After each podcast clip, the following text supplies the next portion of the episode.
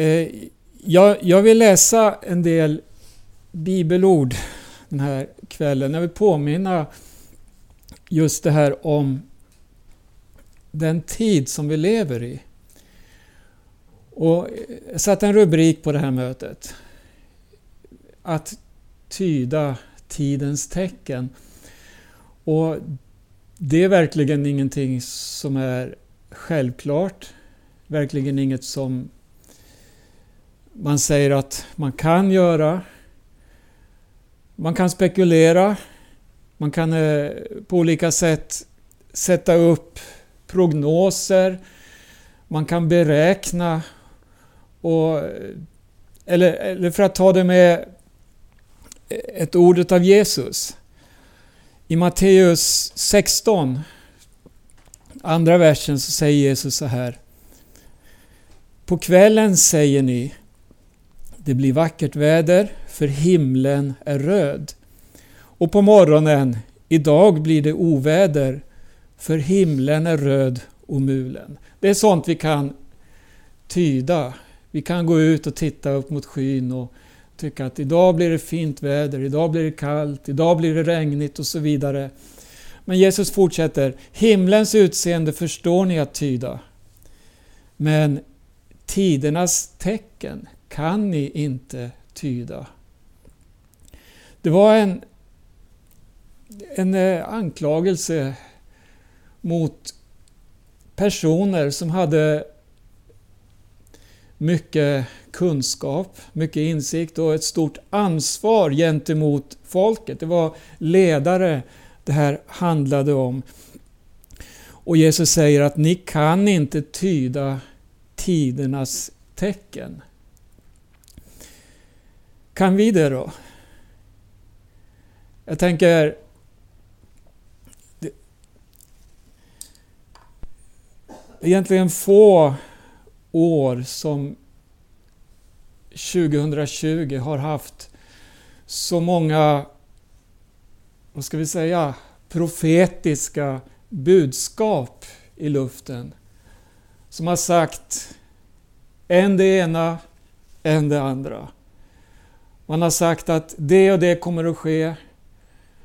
Och man talar utifrån händelser, utifrån opinioner.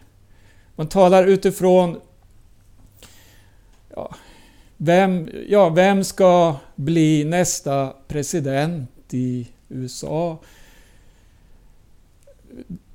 Politiska förutsägelser eller prognoser som man sätter upp. Men så sätter man fram då som om att man, man, man, man eh, profeterar och lyfter fram så här har Gud sagt och det här ska ske och det här ska ske. Det finns egentligen inget stöd i Bibeln för ett sånt här språk överhuvudtaget, eller det här tänkesättet. Det finns någonting väldigt centralt i Guds ord som, som gäller alla tider. Gud har en önskan. Gud har en vilja. Och det Gud har sagt, det ska gå i fullbordan. Och här finns det ett fokus som vi behöver sätta framför alla andra händelser. Och allt annat som vill styra oss på olika sätt. Det är det här Gud vill att alla människor ska bli frälsta. Gud vill att människor ska få kunskap om sanningen. Att de ska få lära känna honom. För Gud har inte sänt oss hit, eller att han har, han har inte fött fram församlingen, alltså Guds egen kropp här i tiden, för att på något sätt försöka reformera eller förbättra den här planeten och de olika statsskicken. Nej, Gud har sänt oss till alla människor. Till de kommunistiska fånglägren. Till diktaturerna. till fattigdomens länder där vi vet att det är så stora problem. Sjukdom och svält. Gud han har sänt oss att förkunna rättfärdighet. Gud har sänt oss till demokratier, men inte att predika fria val eller vad det nu kan vara. Eller det finns någonting som står över allt detta.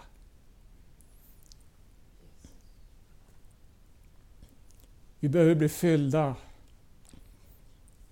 av denna själavinnandets eld. Den här elden som förtär. Jag kan inte få ro förrän jag får nå fram med detta budskap till människor som jag vet går och längtar efter befrielse, efter förvandling. Efter att få ett hopp, en mening med livet. Ja.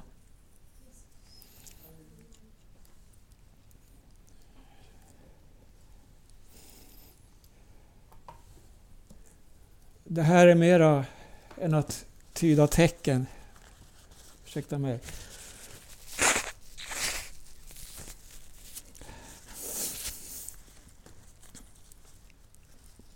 Kära Jesus.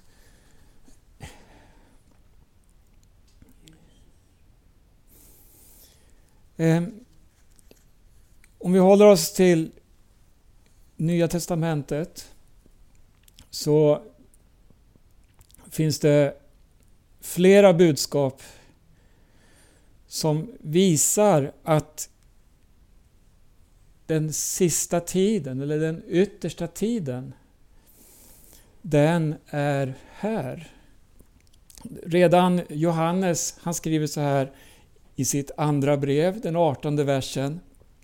Kära barn, den sista tiden är här. Och liksom ni har hört att Antikrist ska komma, så har redan nu många antikrister trätt fram. Av det förstår vi att den sista tiden är här. Johannes skriver alltså redan på sin tid, alltså under det första århundradet, att vi lever i den yttersta tiden. Han målar fram ett kort perspektiv. Yttersta tiden, vad säger det oss? Att Jesus snart är här. Att tiden som vi har att verka, den är dyrbar. Och om, om vi ska titta på bibelord, finns det bibelord som på ett speciellt sätt speglar vår tid idag. Jag tänker osökt på, på Jesus, på hans undervisning. Vi har under många år påmint om då Jesus exempelvis, han talar om Noa, han talar om Lot. Och det här har jag växt upp med, jag har hört den här undervisningen, jag har läst de här bibelberättelserna sedan jag var barn. Och de är väldigt gripande och väckande på många sätt. Men lika länge så har jag också hört människor, jag har mött människor som hånar, som skrattar åt den här eh, förkunnelsen eller det här budskapet om att Jesus ska komma tillbaka. Precis som på Bibelns tid. Petrus han skriver så här i sitt andra brev, det tredje kapitlet, från tredje versen. Framförallt ska ni veta att i de sista dagarna kommer hånfulla människor som drivs av sina begär och som hånar er och säger Hur går det med löftet om hans återkomst? Sedan fäderna dog har ju allt fortsatt precis som det varit sedan skapelsens början.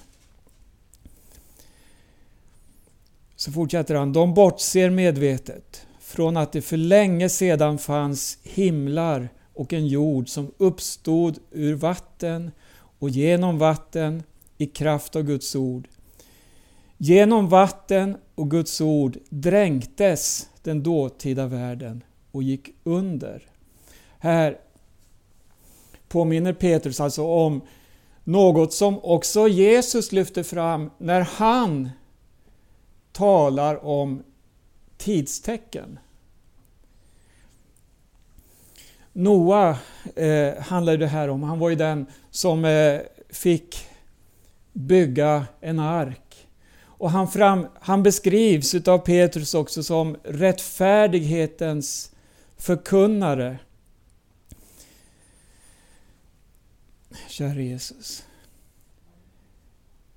Ett bibelord utav Jesus som, som speglar människorna i vår tid. Det blir flera bibelord som jag kommer att lyfta fram här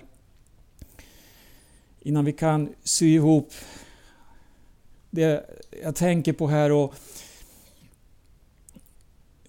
jag tänker på det här Jesus säger nu i Lukas 21.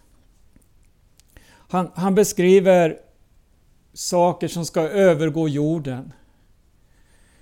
Och så säger han, människor ska tappa andan av skräck i väntan på det som ska drabba världen. För himlen, himlens makter ska skakas. Då, säger Jesus, då ska man se Människosonen komma i ett mål med stor makt och härlighet.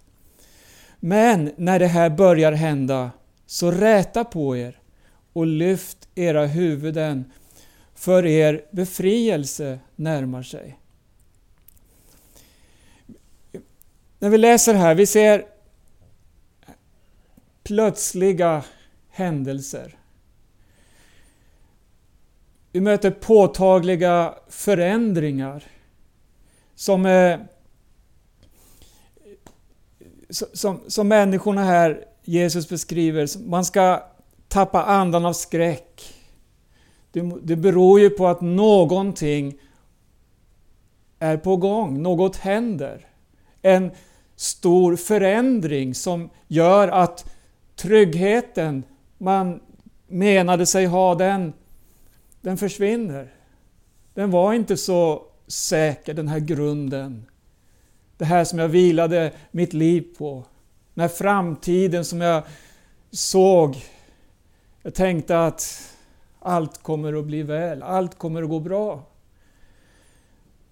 Nej, det talas om en förändring. Och likadant det som Petrus skrev tidigare. Man förbisåg. Man tänkte inte, man kom inte ihåg eller man ville inte höra kanske att den dåtida världen dränktes. Det var också någonting som hände så här plötsligt. Det fanns signaler, det fanns tecken. Det fanns ett budskap som gick ut tidigare som förutsade det som skulle hända. Men ändå möter vi människorna. Vad, vad, vad, vad sa Petrus här? De bortser medvetet från att det för länge sedan hör, de bortser, alltså den här, det som hade hänt. Käre Gud.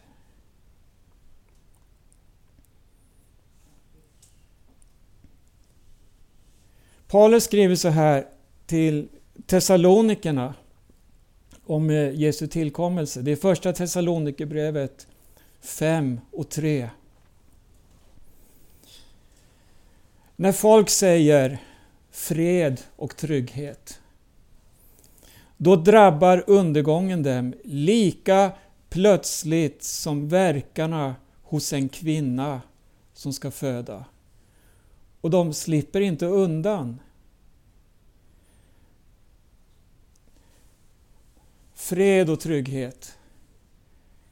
Vi ska bygga ett starkt samhälle. Vi ska bygga en värld som består. Vi ska ha bestående värden i våra liv. Vi ska verkligen ge mänskligheten ett stabilt rike. Någonting att kunna lita på. Det, det, här är alla de här löftena vi hör för, för, för, från eh, politiker och så vidare. Men man bortser ifrån någonting. Man bortser ifrån tidstecken. Man bortser ifrån ord som är nedtecknade. Som har uppenbarat på olika sätt vad som kommer att ske i framtiden. Vi kan se förändringar på olika sätt. Vi kan se på olika, vad ska man säga, när det är på väg att gå åt vänster eller åt höger. Men det finns någonting som säger oss att som Guds församling här i tiden, med Guds budskap i våra hjärtan, så behöver vi se längre än alla dessa prognoser, alla dessa förutsägelser. Vi behöver kunna se längre och med Guds ord som grund kunna peka på att det här säger Guds ord. Och det här har Gud uppenbarat på olika sätt. Vad då? Exakt vad då? Det finns förutsägelser om den här jorden. Det finns förutsägelser om folken, om planeten. Det står till och med den är sparad åt eld. Men så talar samma förutsägelser, samma budskap om att Gud har en ny skapelse. Gud har värden som aldrig någonsin kommer att förgås. Och det är sånt här som hör Guds rike till, som du aldrig kan passa in, platsa in i den här världen. Det hör Guds rike till. Halleluja. Ett rike som inte är gjort av människohänder.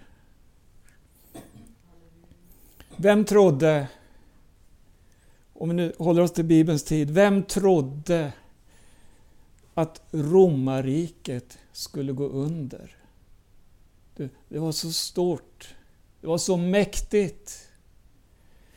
Det härskade över he nästan hela den dåtida kända världen.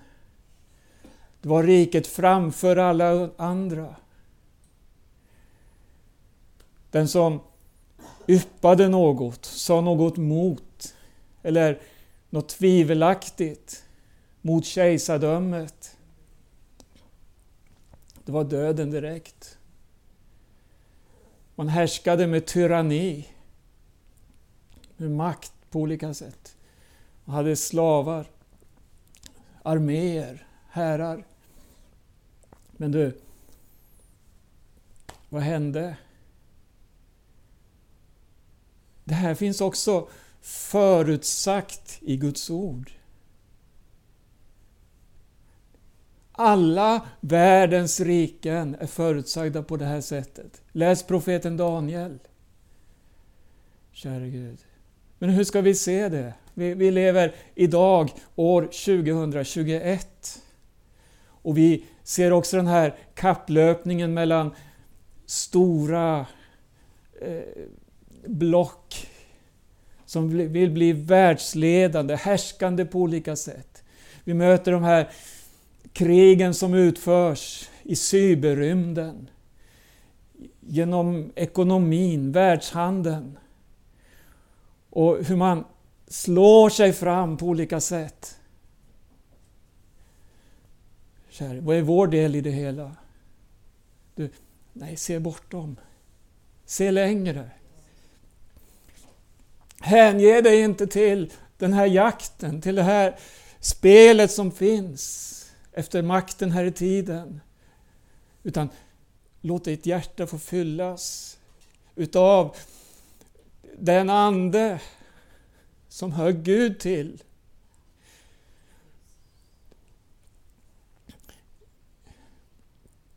Jag vill ta, med någonting här om, från profeten Jeremia. Han levde under Juda rikes sista dagar. Han, han fick en svår uppgift utav Gud. Gud kallade honom och hans uppdrag det var att profetera. Att framföra ett budskap ifrån Gud. Men inte bara det.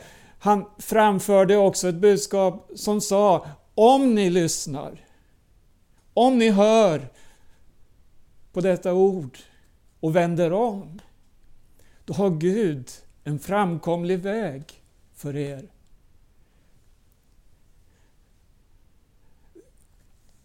Under Jeremia tid så växte ju Babel till en världsmakt som gjorde Juda till ett litet lydrike. Och man eh, fördes ju bort som slavar till det här stora Babylon. Jeremia han varnade, han vädjade för döva öron kan vi läsa om. Han eh, förklarade vad som skulle komma. Och så här står det i det sjätte kapitlet, den fjortonde versen. De tar det lätt med att bota mitt folks skada och säger Allt är väl, men allt är inte väl. De ska stå där med skam för de har gjort avskyvärda saker. Ändå känner de ingen skam och förstår inte att blygas. Därför ska de falla bland dem som faller. När tiden kommer och jag straffar dem ska de komma på fall, säger Herren. Så säger Herren. Ställ er vid vägarna och spana. Fråga efter de urgamla stigarna. Fråga efter den goda vägen och vandra på den, så ska ni finna ro för era själar. Vilket erbjudande! Mitt under det här hotet.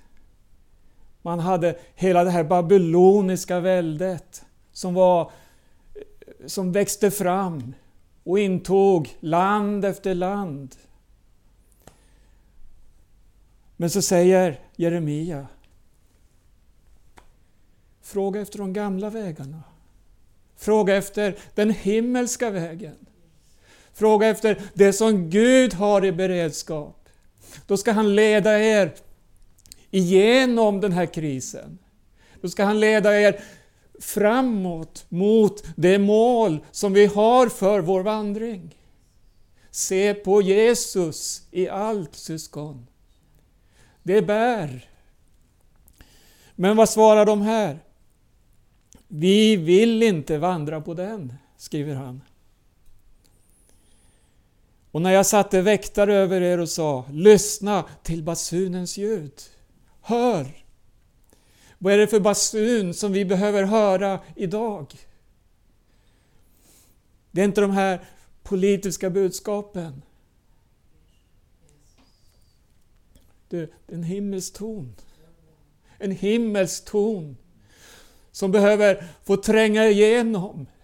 Men det kan vara svårt, för vi är så uppfyllda av så mycket annat.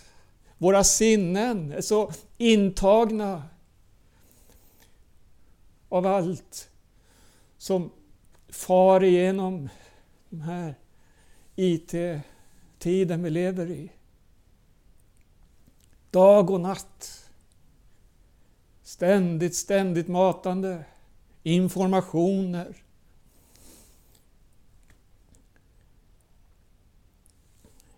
Men det finns någonting som behöver dominera våra liv. Guds eget ord. Ser du? Det finns något som heter en bibel. Och Gud lovar att den som söker, han ska finna. Den som beder, har vi tid att bedja? Har vi tid att stilla våra sinnen och låta Gud få tala? Hans rike är inte av kött och blod, står det i Bibeln. Men hans Ande har tagit sin boning i oss och vill uppenbara sin väg.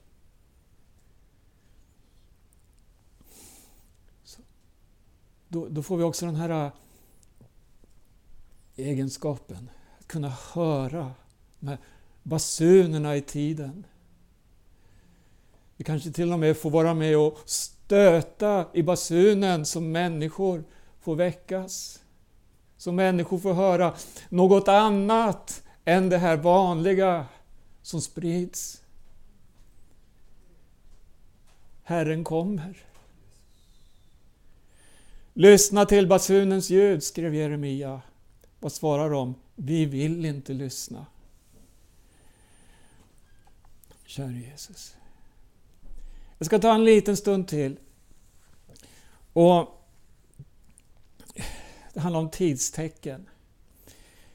Det finns tre händelser som jag ska beröra helt kort. De är välkända för en bibelläsare.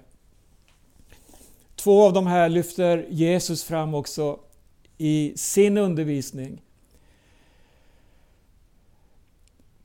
Det, det, det första det har vi i Första Mosebok, det sjätte kapitlet. Kära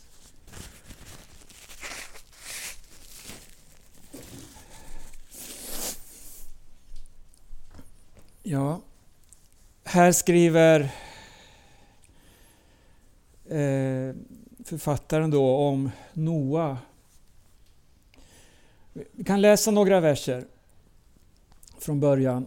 När människorna började föröka sig på jorden och döttrar föddes åt dem såg Guds söner att människornas döttrar var vackra och de tog till hustrur alla de ville ha. Då sa Herren Min ande ska inte bli kvar i människorna för alltid på grund av deras förvillelse. Det är kött och deras tid ska vara 120 år. Vid denna tid då Guds söner gick in till människornas döttrar och dessa födde barn åt dem och även senare levde våldsverkarna på jorden. Detta var forntidens väldiga män som var så ryktbara. Och Herren såg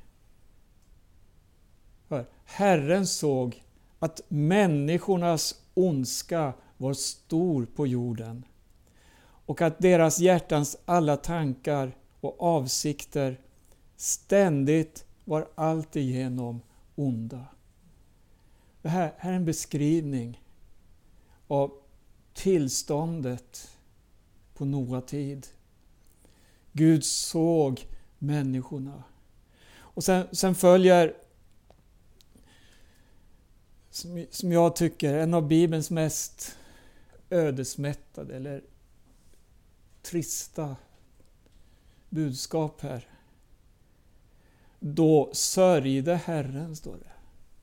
Att han hade gjort människorna på jorden. Och han var bedrövad i sitt hjärta. Gud hade skapat människan. Gud hade satt henne att vårda jorden. Och så ser vi här människan med sin vilja, med sina ambitioner. Dessa stora, eller forntidens väldiga män. Det finns väldiga män i alla tider som vill bygga upp riken, som vill sprida sin makt. Men han var bedrövad i sitt hjärta. Gud var bedrövad. Och så sa han så här i vers 7. Människorna som jag har skapat ska jag utplåna från jordens yta. Både människor, fyrfota djur, kräldjur och himlens fåglar. Jag sörjer att jag har gjort. Men Noa hade funnit nåd inför Herrens ögon. Det här är ett budskap om fördömelse, om ett straff, om en kraftig förändring. som, som kommer att drabba människor på, på, på ett väldigt brutalt sätt. Vi, vi känner till att det kom en syndaflod. När vi läser Bibelns berättelser så beskrivs den dels i det här kapitlet eller följande kapitel, men också längre fram, det vi läste tidigare. Och Jesus, han talar om den här händelsen som ett tidstecken. Han lyfter fram den som något som hänger samman också med tidens slut. Sin tillkommelse. Han kommenterar så här i Lukas 17, eller undervisar ska man säga. I vers 26. Så som det var på Noas tid. Vi har ju läst lite grann hur det var där. Men så ska det vara under Människosonens dagar. Folk åt och drack, gifte sig och blev bortgifta ända till den dag då Noa gick in i arken. Då kom floden och gjorde slut på dem alla. Det här sa Jesus. Han som kom hit till världen för att frälsa alla människor. Noa, han hade ett uppdrag på sin tid.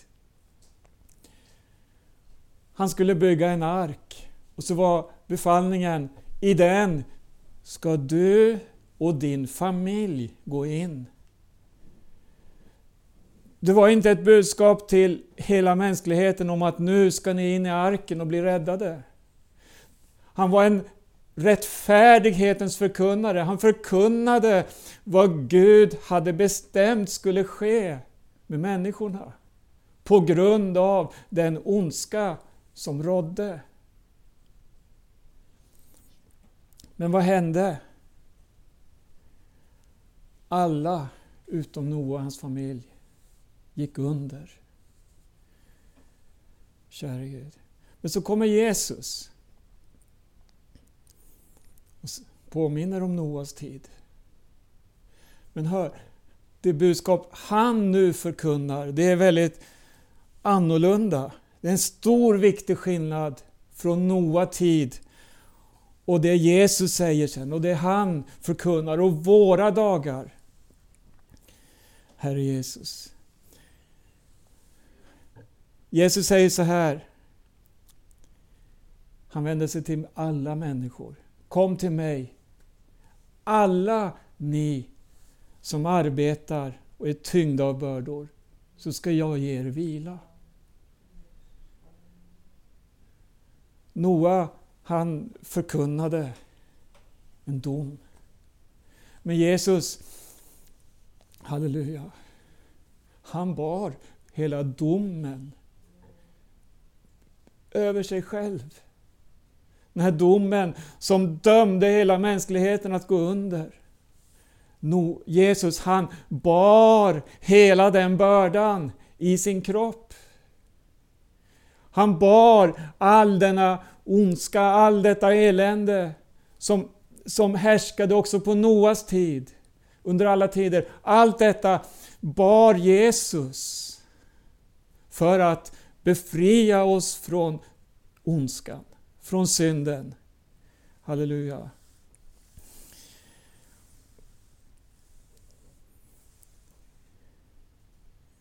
Jesus han sa Kom till mig, alla. Noas tid präglades av ondska som jag sa. Vår tid är i mångt och mycket lik Noas tid. Det är ett tidstecken. Jesus lyfter fram. Kom ihåg, käre Gud, så som det var på Noas tid. Jesus han talar också om Lot. Och Lot han hade ju flyttat in i Sodom och han satt i Sodoms port. Det var också en stad som var präglad av denna ondska, av detta förtryck, där man förtryckte änkan och den fattige. Och där man också upphöjde omoralen, homosexualiteten och alla dessa synder som följer. Det var en stor uppgörelse när Herrens sändebud trädde in i Sodom. Det blev ett tumult. De sökte upp Lot. Lot han eh, tog emot dem, bjöd dem in i sitt hus. De ville helst stanna ute på gatan för de visste vad som var förutbestämt. Och medan de är hemma hos Lot så kommer hela staden i rörelse. Alla, står det, de kom i rörelse. Och man tränger in mot Lots hus och säger Vad är det för män du har hemma hos dig?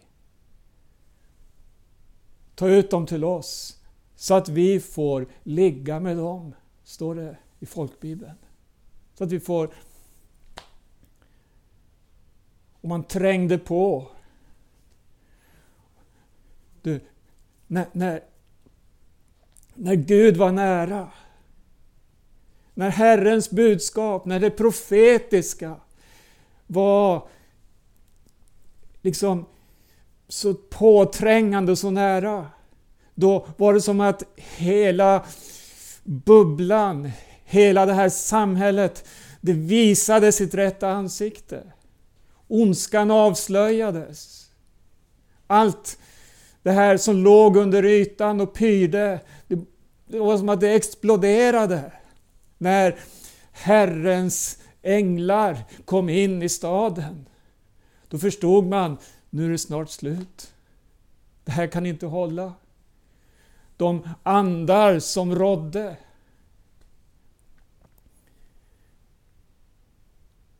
Man trängde på, men då agerade änglarna. Vad gjorde de? De sa, nu de, först slog de allt folket med blindhet så de kunde inte hitta dörren där de fanns. Så sa man till Lot, samla ihop det dina, de du har, och fly härifrån. Lämna Sodom. Hans mågar menar att han skämtar. Han skämtar. Han kanske var en skämtare, jag vet inte. Men här var det allvar, men ingen trodde på honom. Man såg inte, man hade ingen förmåga att, att, att se dessa änglars budskap och ta det på allvar. Nej. Men hela natten gick. Det måste ha varit en oerhörd kamp den där natten hos Lot, hos hans familj. Och till slut tar änglarna honom vid handen och säger Kom nu!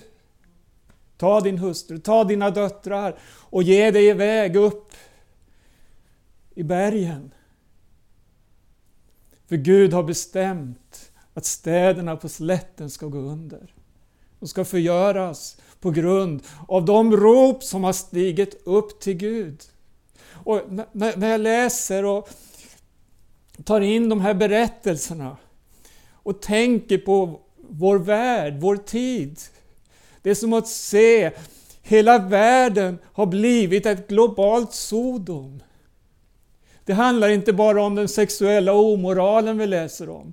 Men ta allt detta förtryck som finns. Människor som är så plågade under alla olika bördor. Tänk förtrycket mot de fattiga. Tänk, vi har en välfärd som bygger på andras olycka. Andras fattigdom. Det är så världsväldet och hela ja, kommersen och allt är uppbyggt. Kära Gud. Och Jesus, om vi återvänder till hans undervisning i Lukas 17 står det direkt efter det han sa om Noa så här i vers 28. På samma sätt var det på Lots tid. De åt och drack, köpte och sålde, planterade och byggde. Men den dag då Lot lämnade Sodom regnade eld och svavel från himlen och gjorde slut på dem alla. På samma sätt ska det bli den dag då Människosonen uppenbarar sig. Vilket budskap! På samma sätt är det här vårt mål. Är det här the bitter end? Är det här slutet? Nej. Det finns en människoson som har kommit och som har banat en väg som har gjort oss till medborgare av ett annat rike, det himmelska riket och som har bett oss låt er uppfyllas av den helige Ande. Ta emot denna gåva från Gud och ni kommer att bli övervinnare. Ni kommer att kunna se längre och visa människorna på att det finns en väg som heter hopp, som heter kärlek. En väg som är sanningen. Halleluja. En bild till. Jag sa tre bilder. Och det är det vi läser om i Första Mosebok 11. Och det, den händelsen, den eh, tycker jag är så aktuell idag. Jag tänker på det som har skett över hela världen under det bakomliggande året. Hur allt vi har varit igång att bygga upp. Allt vi har liksom satsat på. Ett, när jag säger vi, då menar jag hela världen. All den här kommersen, alla rikena, alla framtidsprognoser, alla aktie, aktiebörser och allt det här som, som, som, som man rättar sina liv efter. Som man investerar i. Och så vidare. Resandet. Det är som att världen den krymper. Den globala, allt blir så ja, tillgängligt på ett sätt.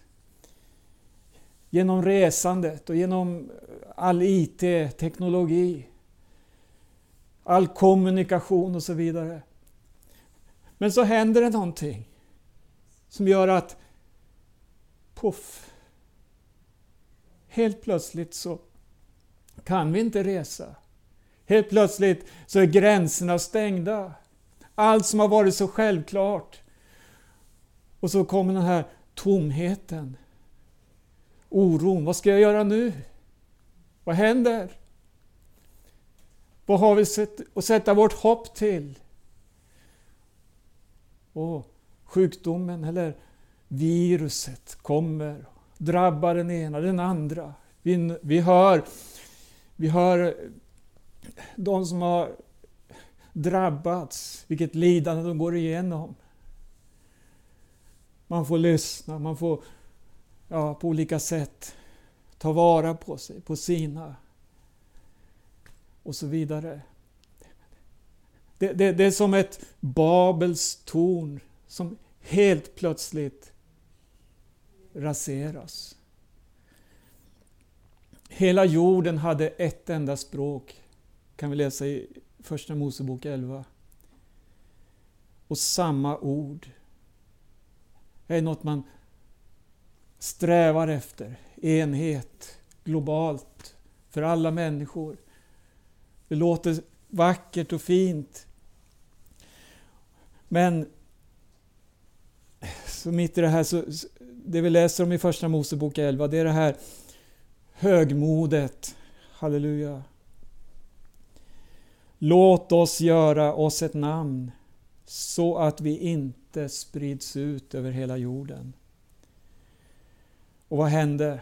Gud steg ner och såg människornas tilltag och han förbistrade deras tungomål så att den ena inte längre förstod den andra. Och så spreds man ut över jorden.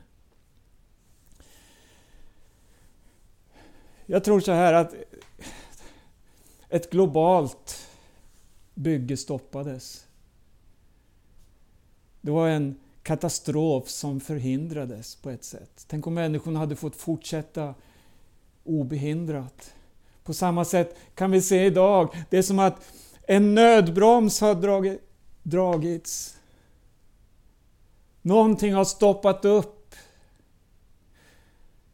Jag vill inte eh, säga om vad det kan vara, men en sak vet jag. Att varje tillfälle, varje eh, sån här händelse bör vi ta vara på och söka Gud ännu mer. Och låta oss uppfyllas av hans Ande och fortsätta vara verksamma. Så att människor får nås av ett budskap som ger ett verkligt hopp. En hel värld stannar upp. Det är en väckarklocka bara det. Vad har vi för lösningar? Ja, vi har mer än så. Vi har mer än lösningar. Vi har ett hopp för evigheten. Vi har ett Guds rike att proklamera. Men hur ska vi få igång resandet, hör man. Men se längre än så. Se längre, se bortom. Det finns någonting mycket mer, något mycket mer viktigt.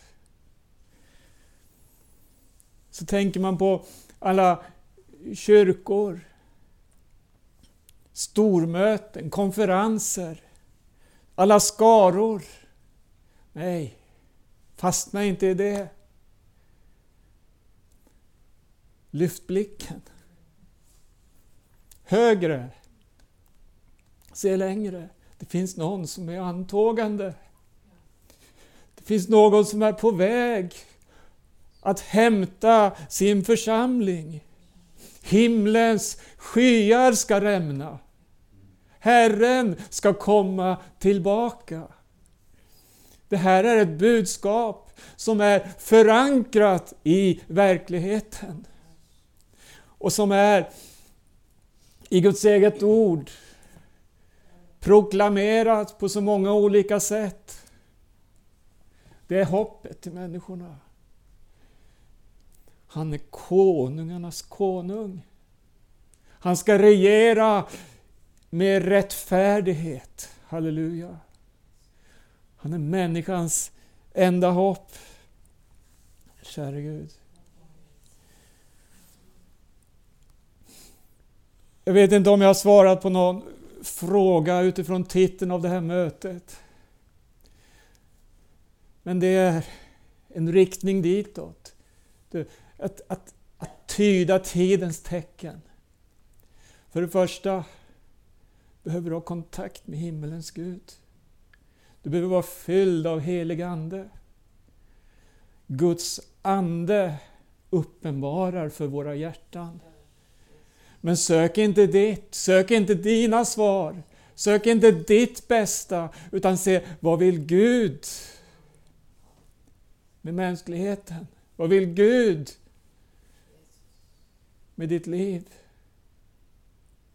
Halleluja. Herren kommer. Käre Jesus. Amen. Ta emot den här hälsningen och Sök Jesus. Halleluja. Låt få bli använd av honom. Du behöver inte begränsas av allt som är ja, på olika sätt begränsar vår rörelsefrihet. Nej, framförallt kan du bedja. Ropa till Gud, han hör bön. Du kan ringa samtal. Halleluja. Söka upp människor hälsningar. Och så be till Gud om att få bevarat sinne i denna tid. Herren kommer snart. Du, tänk när han kommer, då ska allt förvandlas. När vi ska få möta honom i skyn. Ikläd oss den nya härlighetsdräkten. Halleluja. Se honom ansikte mot ansikte. Och så ska vi för alltid få vara hos Herren. Amen. Gud välsigne var och en. Halleluja. Titta gärna in på vår hemsida om du inte är där just nu. Och där finns det mycket ljudfiler att lyssna till, mycket bra förkunnelse och så vidare. Amen. Tack så mycket.